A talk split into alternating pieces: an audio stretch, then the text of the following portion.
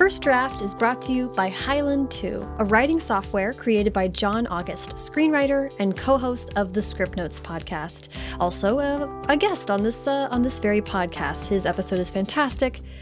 And uh, after talking to John and listening to, you know, hundreds of episodes of Scriptnotes, I heard him talk about developing this writing software, and I decided to give it a try.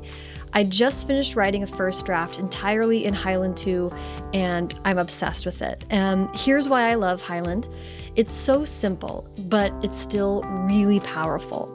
There's one navigation sidebar, and within that sidebar, you have tons of different tools at your disposal. You can drag bits of text in there that you might want to come back to later, or you can monitor your stats like word count and page count, or new words and new page count. The main screen where you write is this simple, endless scroll of plain text. But with just a few keystrokes, you can add notes to yourself in line without them showing up in the final automatically formatted version of your book. And you can export into many formats, including as a Word doc.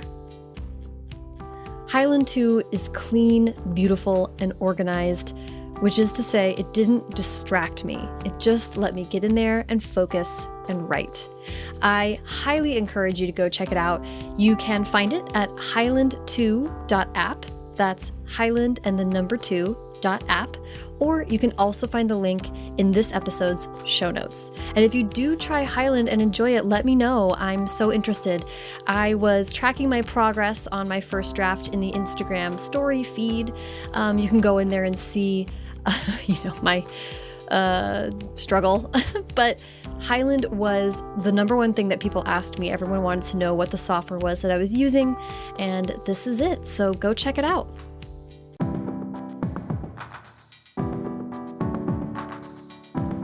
Welcome to First Draft with me, Sarah Enni.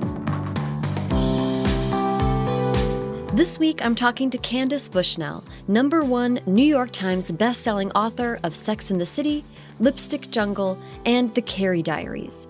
She talks about her newest book, Rules for Being a Girl, which she co wrote with fellow New York Times bestselling author Katie Cotugno. I loved what Candace had to say about the ways that fiction can tell the truth more effectively than journalism, how leaving New York City actually helped her reclaim her creative voice later in life, and what she finds so energizing in writing about and for young women. Everything we talk about in today's episode can be found in the show notes. A reminder First Draft participates in affiliate programs. Specifically, we're an affiliate of bookshop.org. So that means that shopping through the links on firstdraftpod.com helps to support the show at no additional cost to you, and it supports independent bookstores too. If you'd like to donate to First Draft, either on a one-time or monthly basis, you can go to paypal.me slash firstdraftpod. You may have noticed something new and different in your feed over the last few weeks.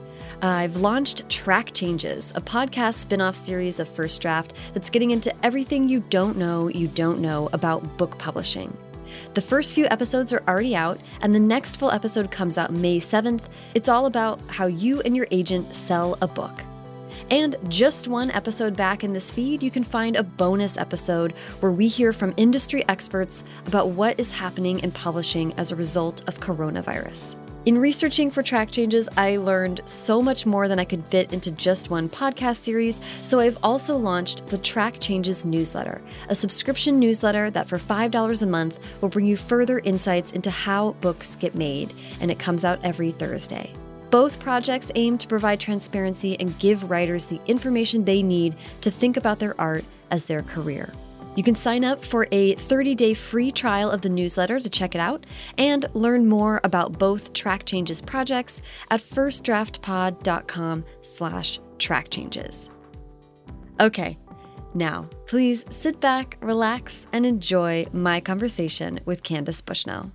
Hi, Candace. How are you this morning? I'm doing great. Oh, good. Well, I'm so excited to chat with you. I'm going to dive right in. Um, for my interviews, I like to start at the very beginning. So we're going to go all the way back to where were you born and raised? I was born in Glastonbury. Well, I was actually born in technically in Middletown, Connecticut, next to this town of Glastonbury, Connecticut, where I was raised and where I lived for the first 17 years of my life.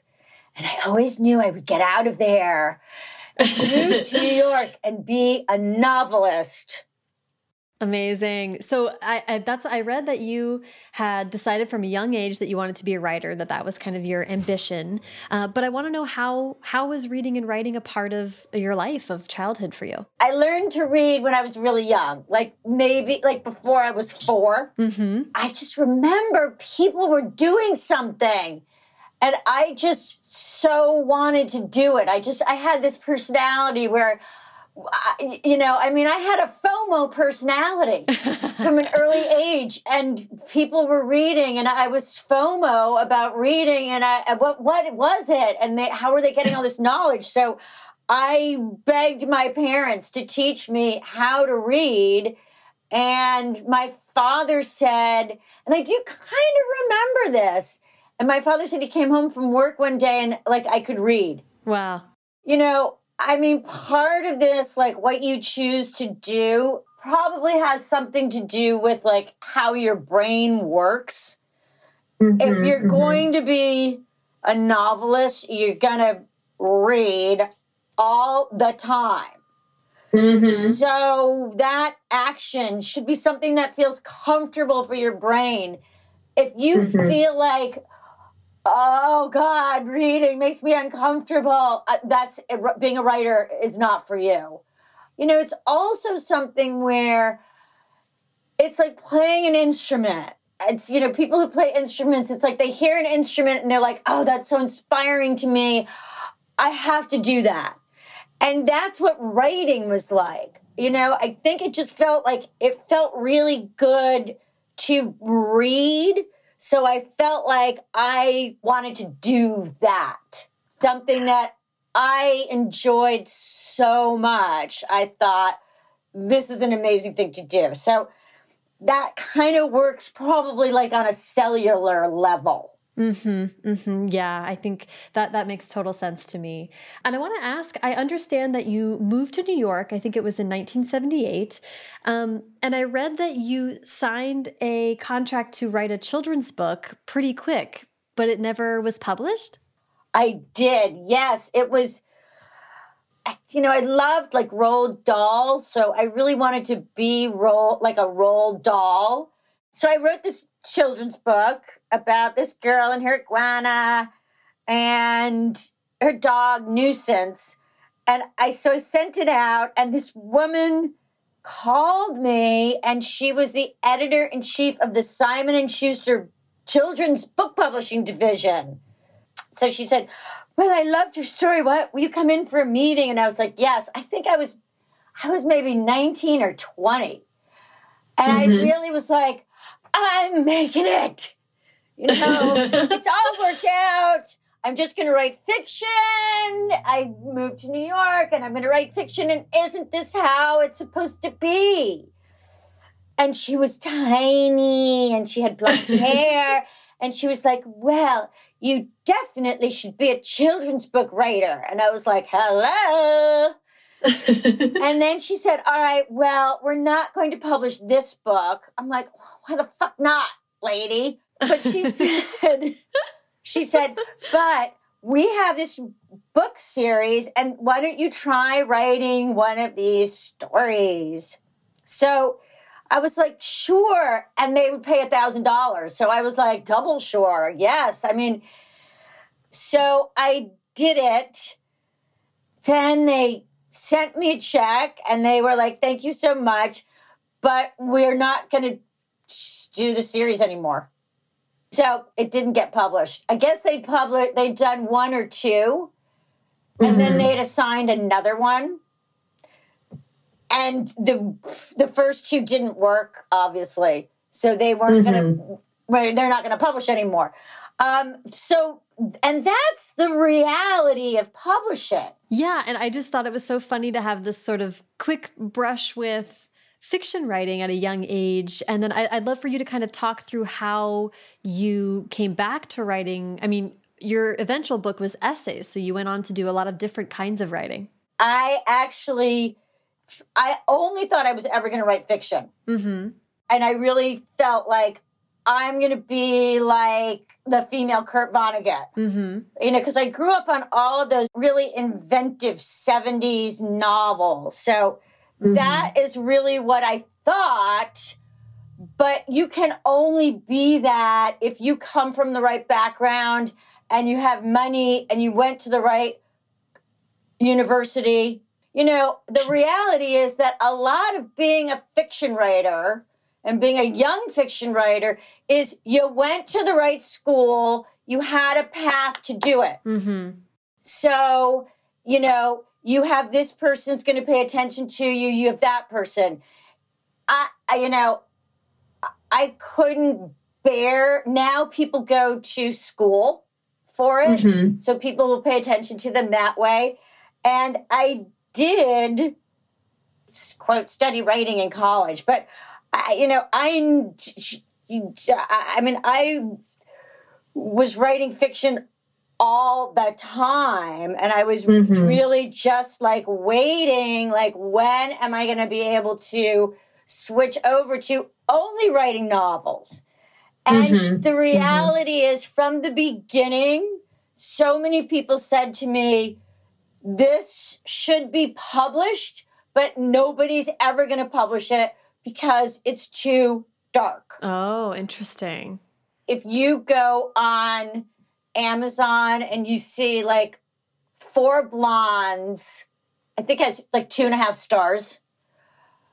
And it's because there's a certain truthfulness to the writing that is, it's not commercial. Mm, I see. Okay. That's really being an artist. And, um, you know, so that's how I've always felt.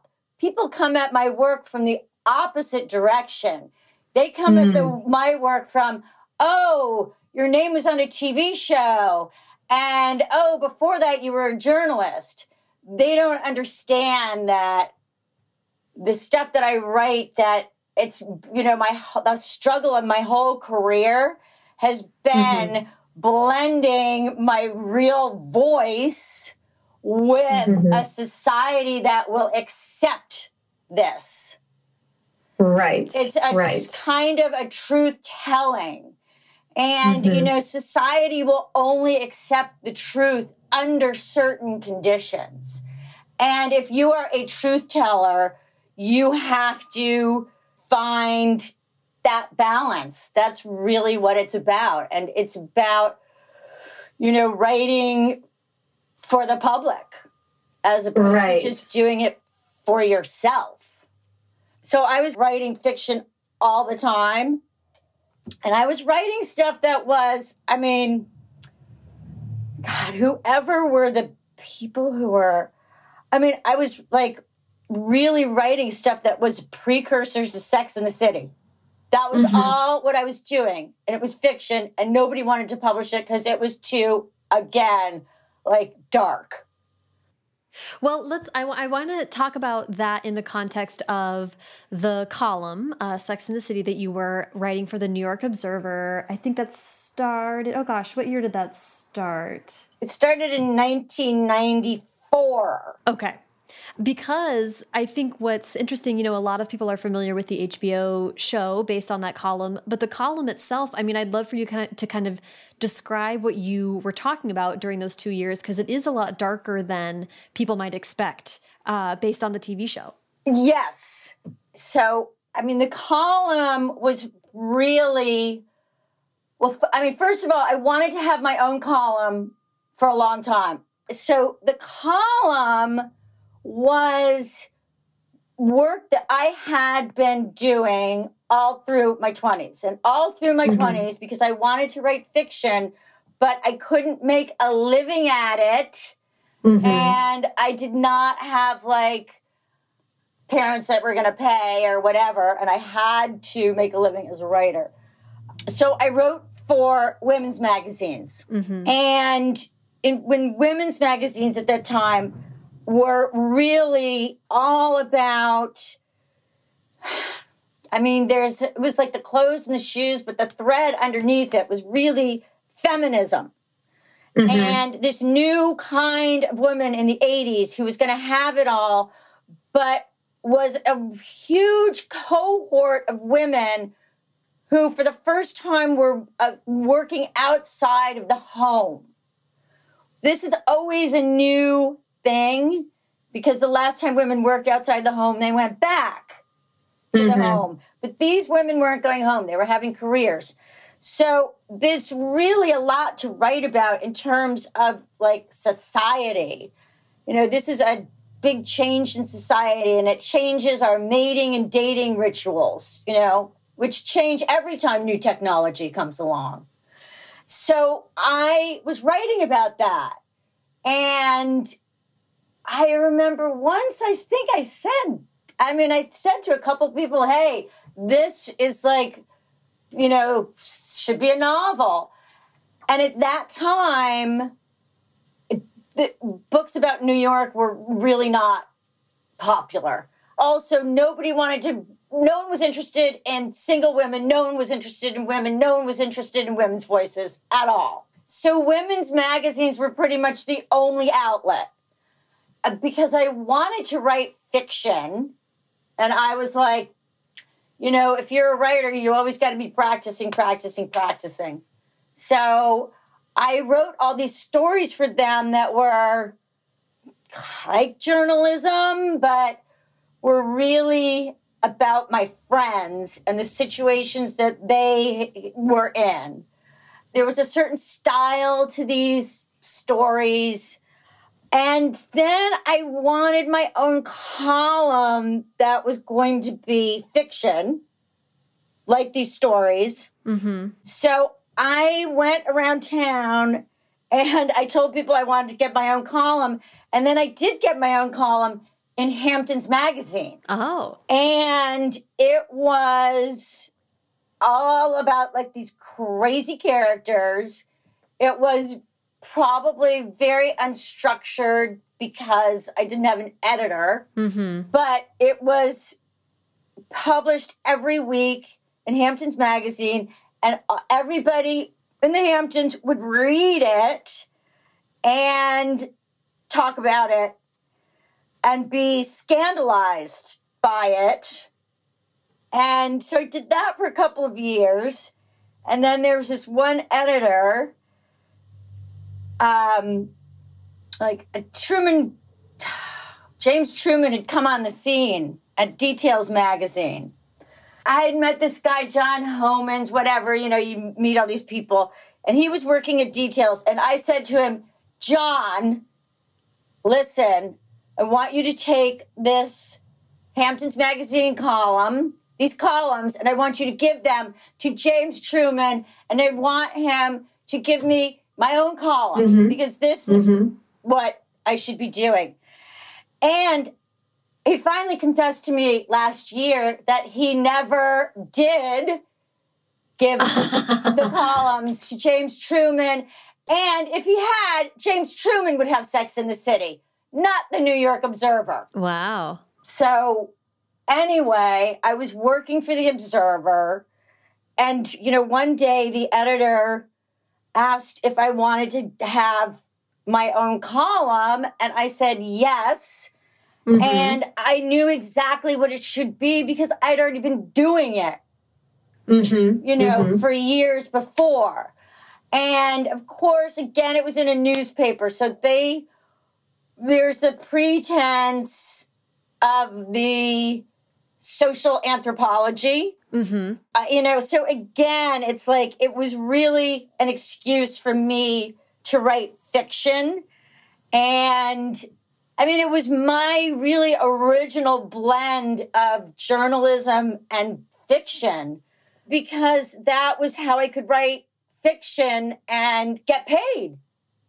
Right. so it was really my trick to get around the system. Yeah. I mean, I love that. And I haven't read Sex in the City for a while, but I, when I now when I look at it, I realize like, oh, as time goes on, I mean, it really is. It sort of drops the idea of like the categories, and it, it is a novel. And in fact, you know, when I was writing it, Joan Didion was a fan, mm-hmm. And and she came up to me and she said, "You know, you know that you're writing really writing a novel here." And I was like, "Yes." Yes, thank you. You're the only person on the planet who even could understand that.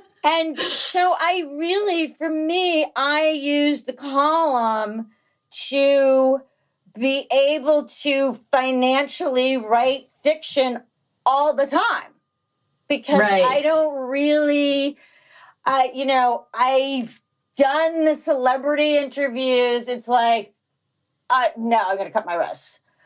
Um, you know, I mean, being a journalist is it's a young person's business. You know what I'm saying? It's you know, Yes. it's rough.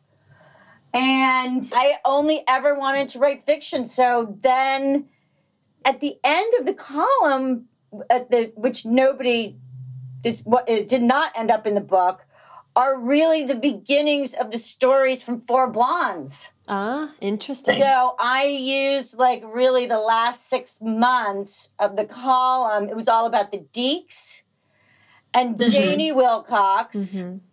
And so I started those two stories in the New York Observer. And then that became my second book, Four Blondes. Well, I want to ask about that as far as the uh, so after Sex and the City, the book came out.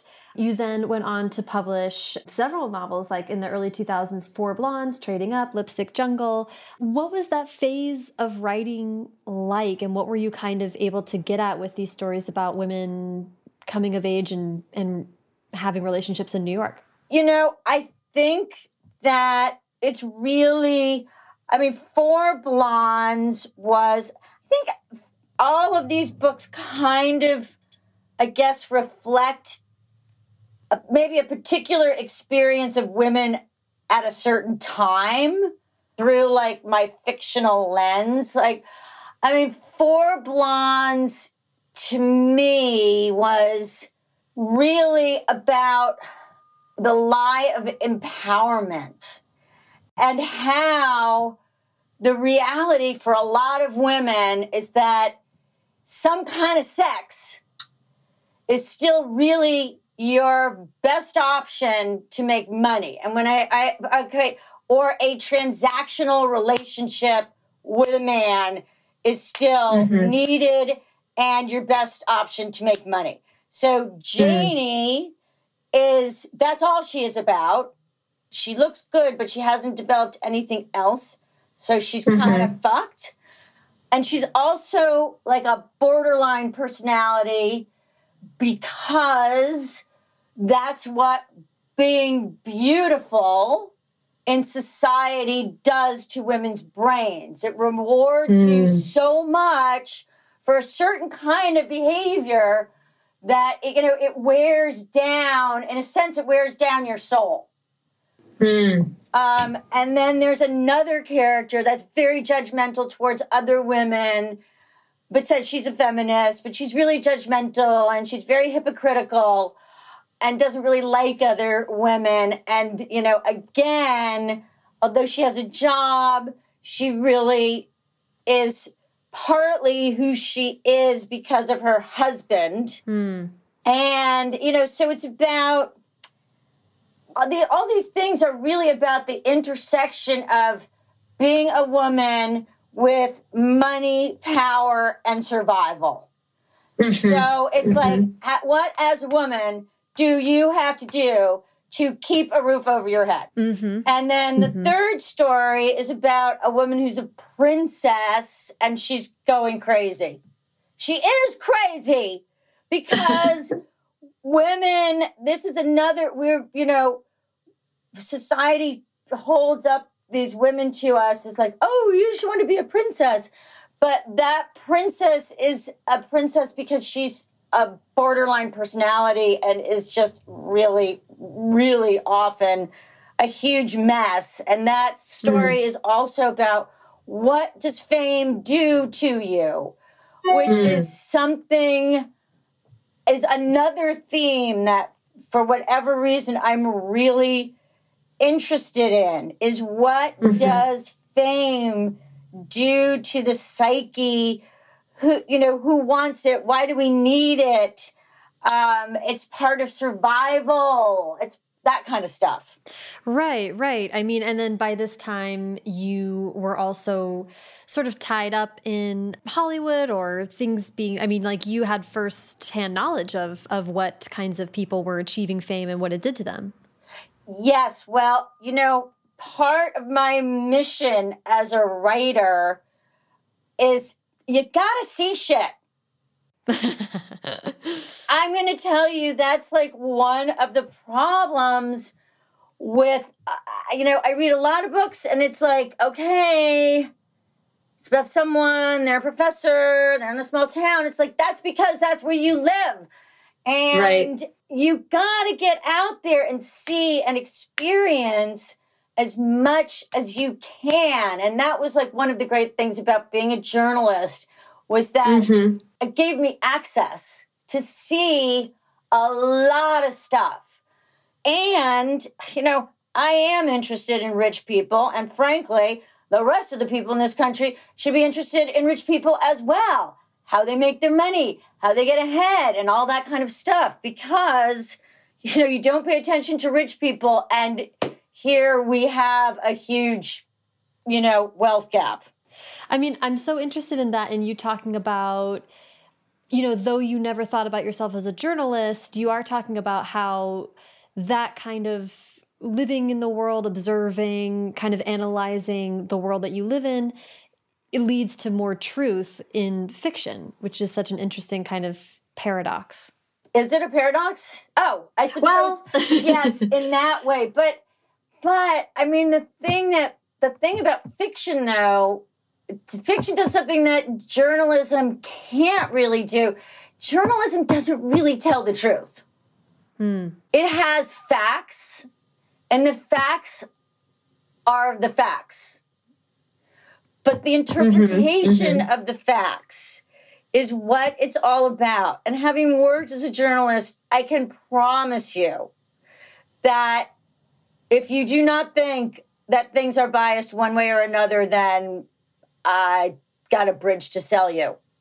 I mean, you know, there's a certain truth in fiction. I think there's a certain truth about human beings mm-hmm. that fiction can, for whatever reason, because it puts it through a prism or something, can be more truthful than journalism. You know what I'm saying? Yes, yeah, and I and I agree. That's the like analysis or uh, what's the word I want to use? Um, like uh, not decompressing, but I don't trying to kind of come to terms with what it means to be a human in the world today, right? It's sort of coming up with these characters that we can all relate to, like you said. Yeah, or not. I don't know if people can like I don't write my characters because I want people to relate to them. That's what they do in TV. Okay, so that's what TV is all about. Mm-hmm. But that's not what fiction's about. So I actually don't ever think, uh, can I write a character that people are going to relate to? I never ever think that. I think, can I write a character where I can feel this character in me? where I can mm. feel this character in my essence, where I can feel, I have to feel the truth of this character. Whether mm-hmm. the character people relate or not is in a way irrelevant.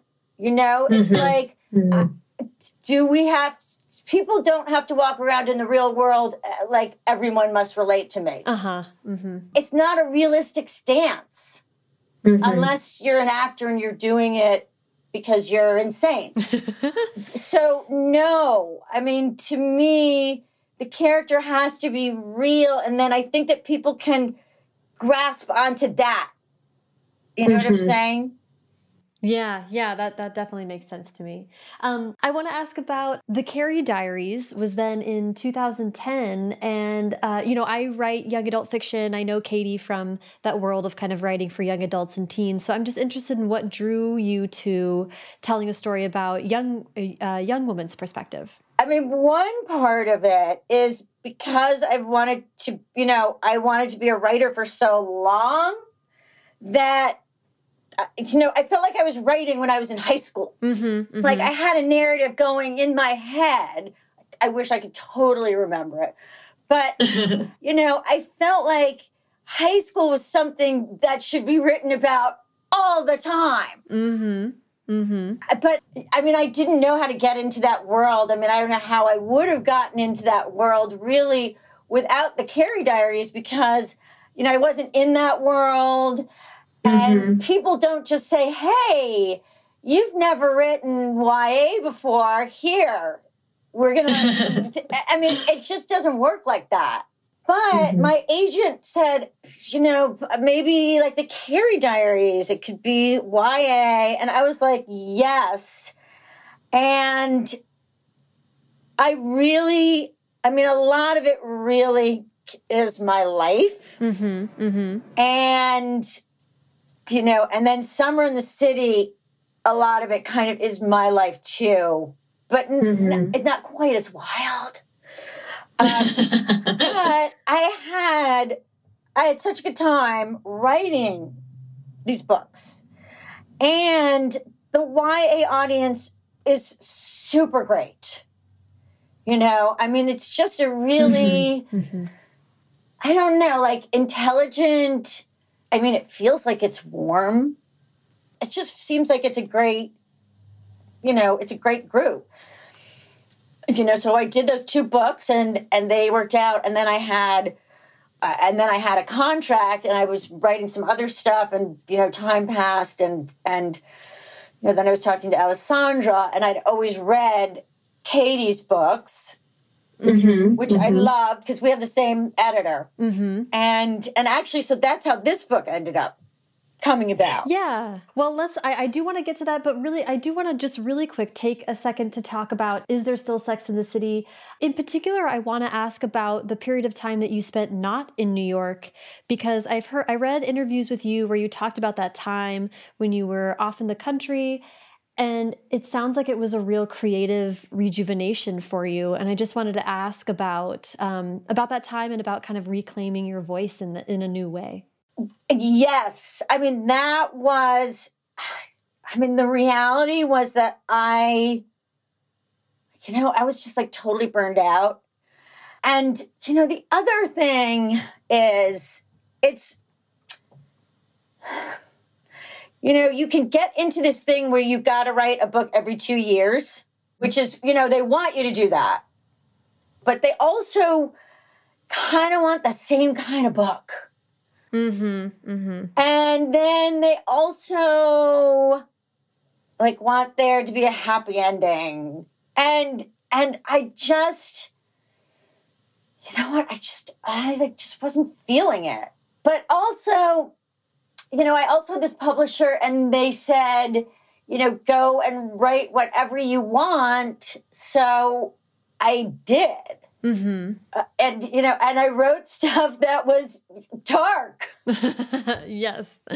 you know, like the stuff that I was writing when I was younger. Although, you know, this is much more polished, much, you know, better. But you know what? The reality is, I mean, there's a part of it that it's like, I mean, it is like playing an instrument. You know, it's a terrible thing to do.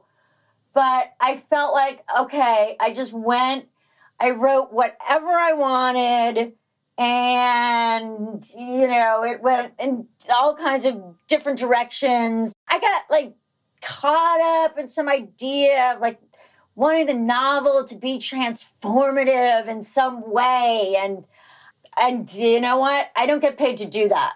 That's kind of what happens. And then like you're in trouble. Mhm. you know and everyone's like they're mad at you and you're like Are you saying you wrote something that that you were writing things that you did not end up publishing? Oh yeah. I mean, I have to say, like with every book I've written, I've written probably 50 or 100 pages of a book that, like, I know it's probably never going to get published. How do you feel about that? Uh, and how do you feel about having 50 to 100 pages? I mean, is it fun to do that on the side and satisfying in some way, or is it frustrating? you know, it's just it's like it's what I do every you know every day. right. I mean, sometimes I just yeah, sometimes it is frustrating because it's like ah, you know, everybody should Mm. love this, but it's it's just the way it is. You know, it's like that's it's like part of being a writer is like it's just you just got to put in time, and some of the Mhm. time when you're writing, you're not going to use it.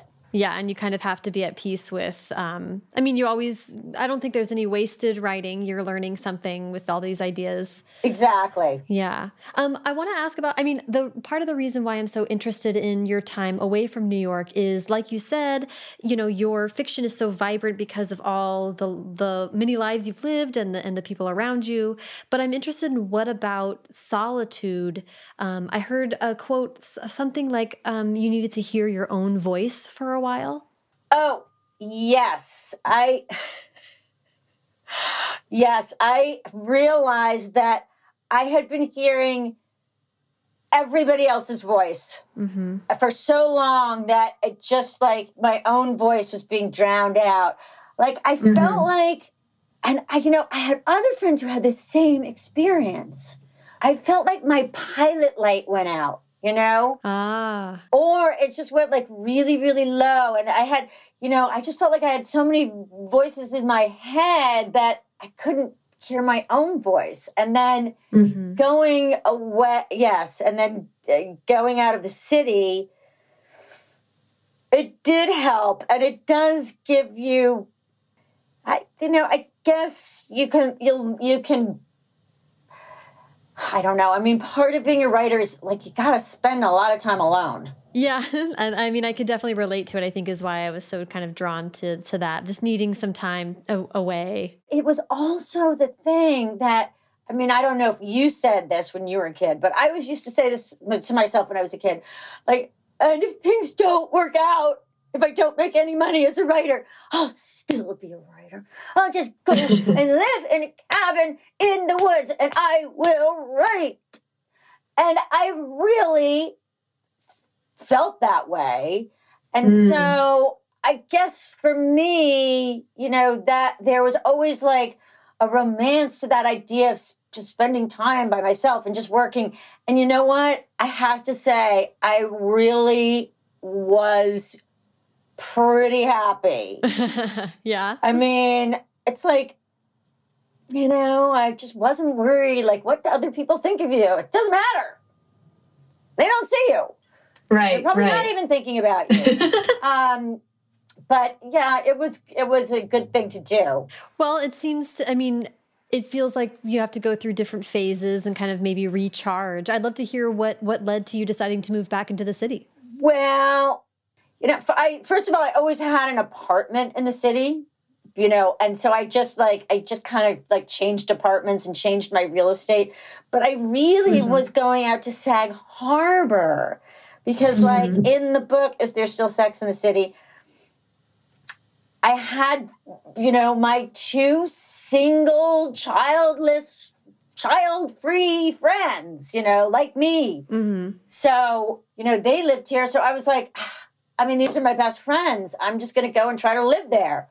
So Mhm. I came out here and that led to writing Is There Still Sex in the City? Mm-hmm. And then, I don't know, then I just started going back into the city like more and more and, and, you Mhm. know, yeah, just having more meetings and seeing more people and you know i mean Mhm. honestly i live in sag harbor it's kind of it's a similar kind of vibe. Um Mhm, I, mhm. but also you know the other thing is i've just lived in new york for so long.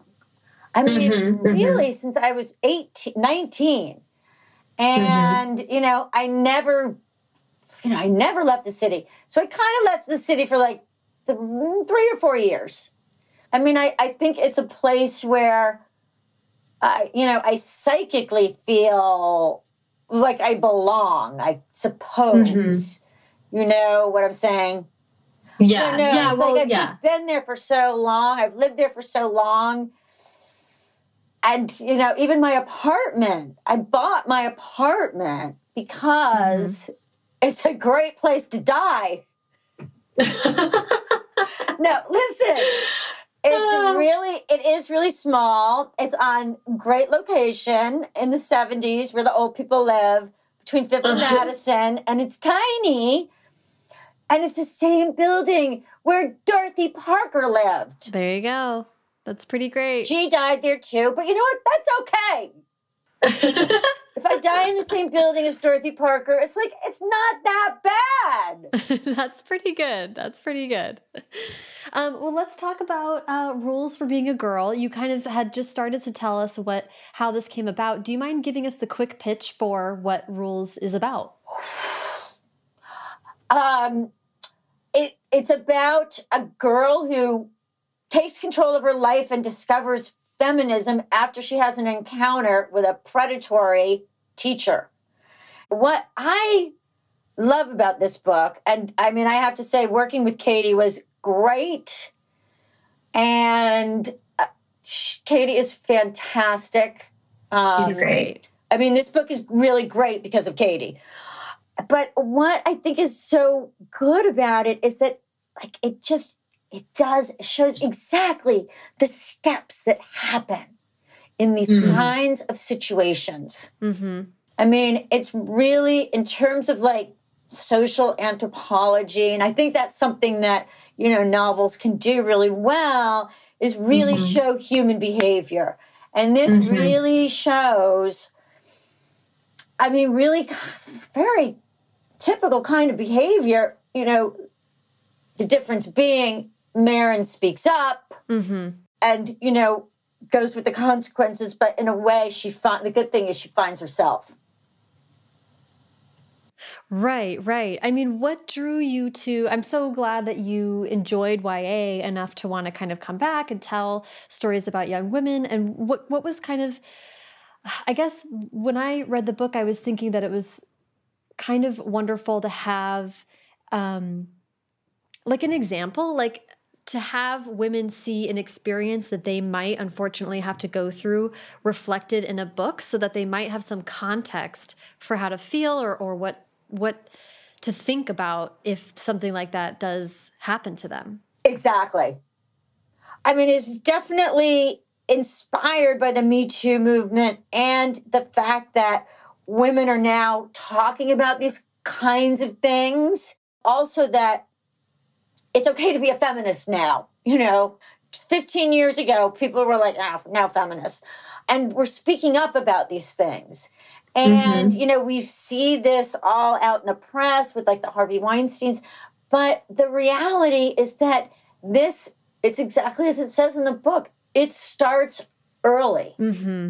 Mm-hmm. And I mean, it's exactly what you said. It's sort of like, you know, people should read this because I mean, you can identify with all everything that's happening.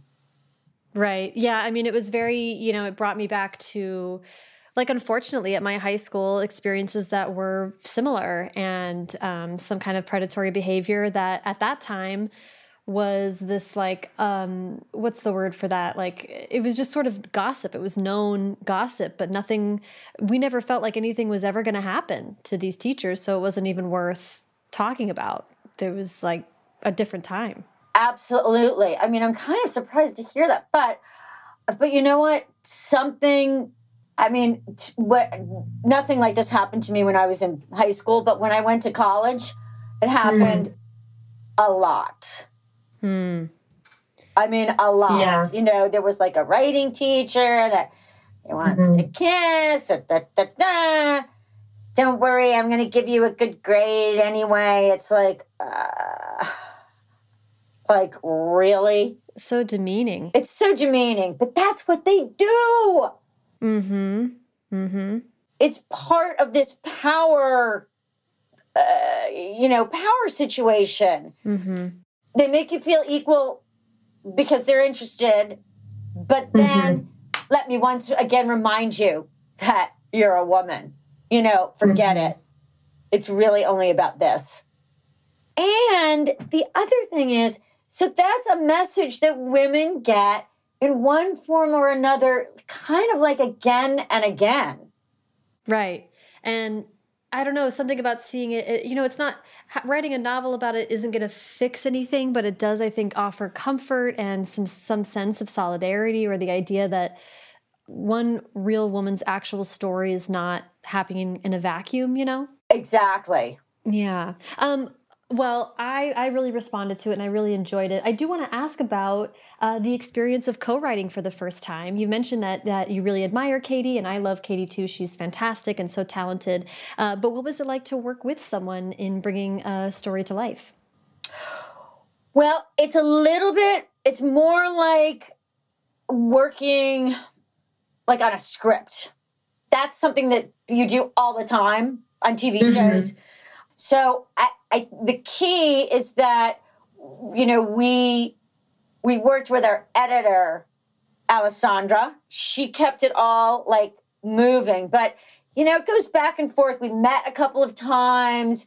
You, we did an outline. Mm-hmm. You know, you send the file back and forth, and you know people make little notes or comments, and then one person writes this bit, the other person writes that, and then mm-hmm. the editor coordinates it all. I love it. Yeah. and it was great with Katie because I, I the, as soon as we met, like we read all the same articles. I have had that lunch. It's very satisfying.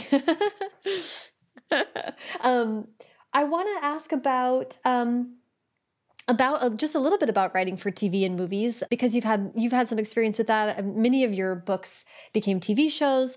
Would you ever think about writing a pilot or a feature, or is that kind of writing still of interest to you? I, I mean, it's the thing about script writing is that it's very specific.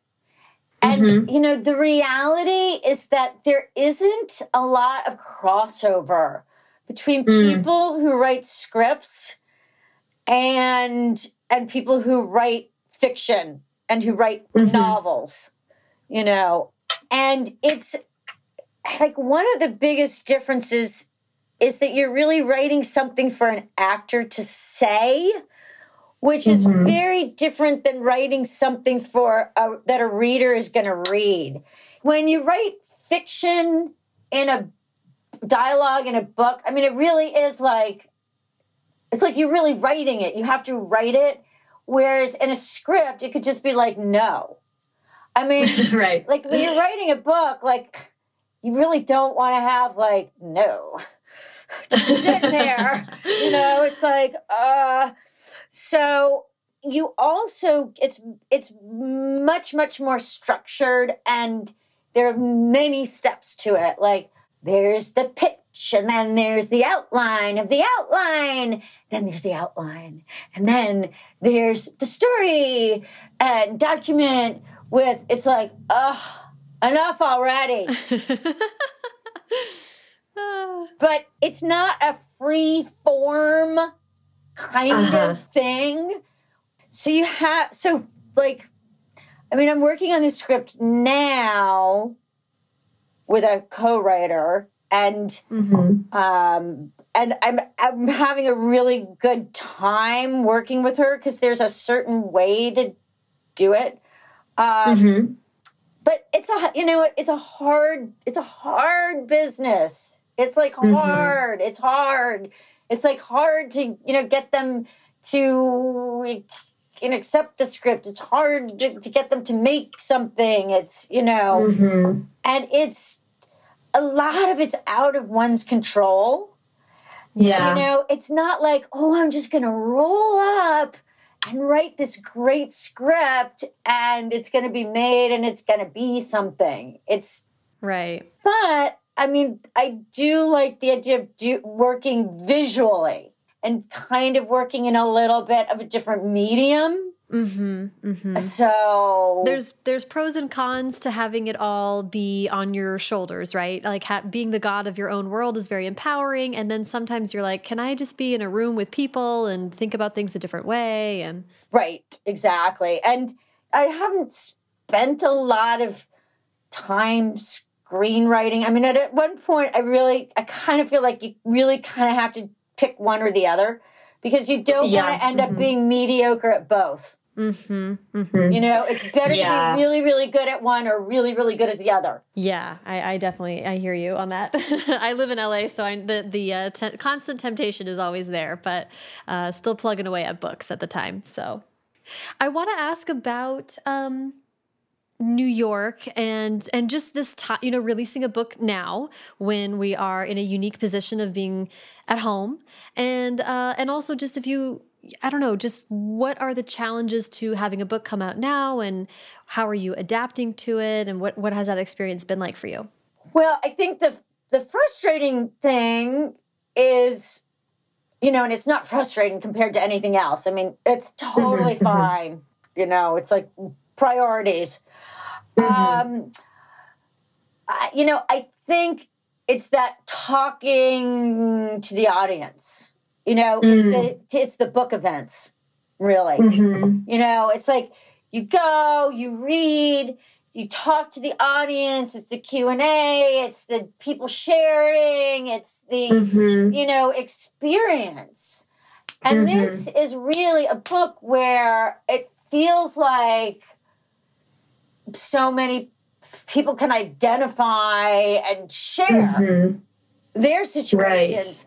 So, but on the other hand, you know, I feel like it's a really good book and it's a really solid book. It's a, you know, it's great. And I mean, three months from now, it's still going to be a really good, solid book that I feel like, and I feel like people will find the book and are Mhm. finding the book. What is, um, you know, we'll wrap up with advice in just a second, but I'm, I'm interested in how you, as a creative person, are uh, spending this time. You know, what are you working on? Are you able to work right now?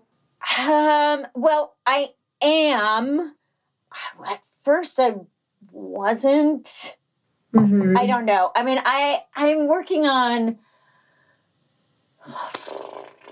like my next book, Mhm. and then I'm working on this one woman show. Really? Mm-hmm. Cool. That'll probably be exactly this podcast. Amazing. Um, and then, and then I'm working on the script for "Is There Still Sex in the City?" Oh, great. That's what the script is. That's fantastic. Yep. So, so that's that's what I'm doing, and you know, Staying busy. yes, I mean, you know, the reality is that, I mean, when I'm here in this particular place, that's my my life is a lot of kind of. I don't go out a lot anyway. So it's not Mhm. that different, except that I have not seen anybody for weeks. Mm-hmm. Yeah. and I can't same. even see you. um, um, the uh, uh, I just last question, and then we'll ask advice. Is uh, would you ever consider co-writing again? Oh, definitely. You know, it's like it's great because everybody brings something and they bring a different point of Mhm. view, and it's so interesting, you know, to listen to other people's point of view. I mean, I think one of the things about that's tricky is that, you know, most of the time when you're writing fiction, it's all your ideas. I mean, you, you can't get any ideas from anybody Mhm. else, you know what I'm saying? So so Mhm. there's a, you know, you got to really stand by that idea. You know, but when you're co-writing, it's like yeah, you can look at things a different way and be like, oh yeah, yes, thank God, somebody else thought of that. Yeah, I love that. Um, well, this has been such a fun conversation, and I'm so glad that you could take the time to chat with me. I, I wrap up, I wrap up with um with advice. So I would really like to hear just advice that you have for young writers who are kind of looking to break in now.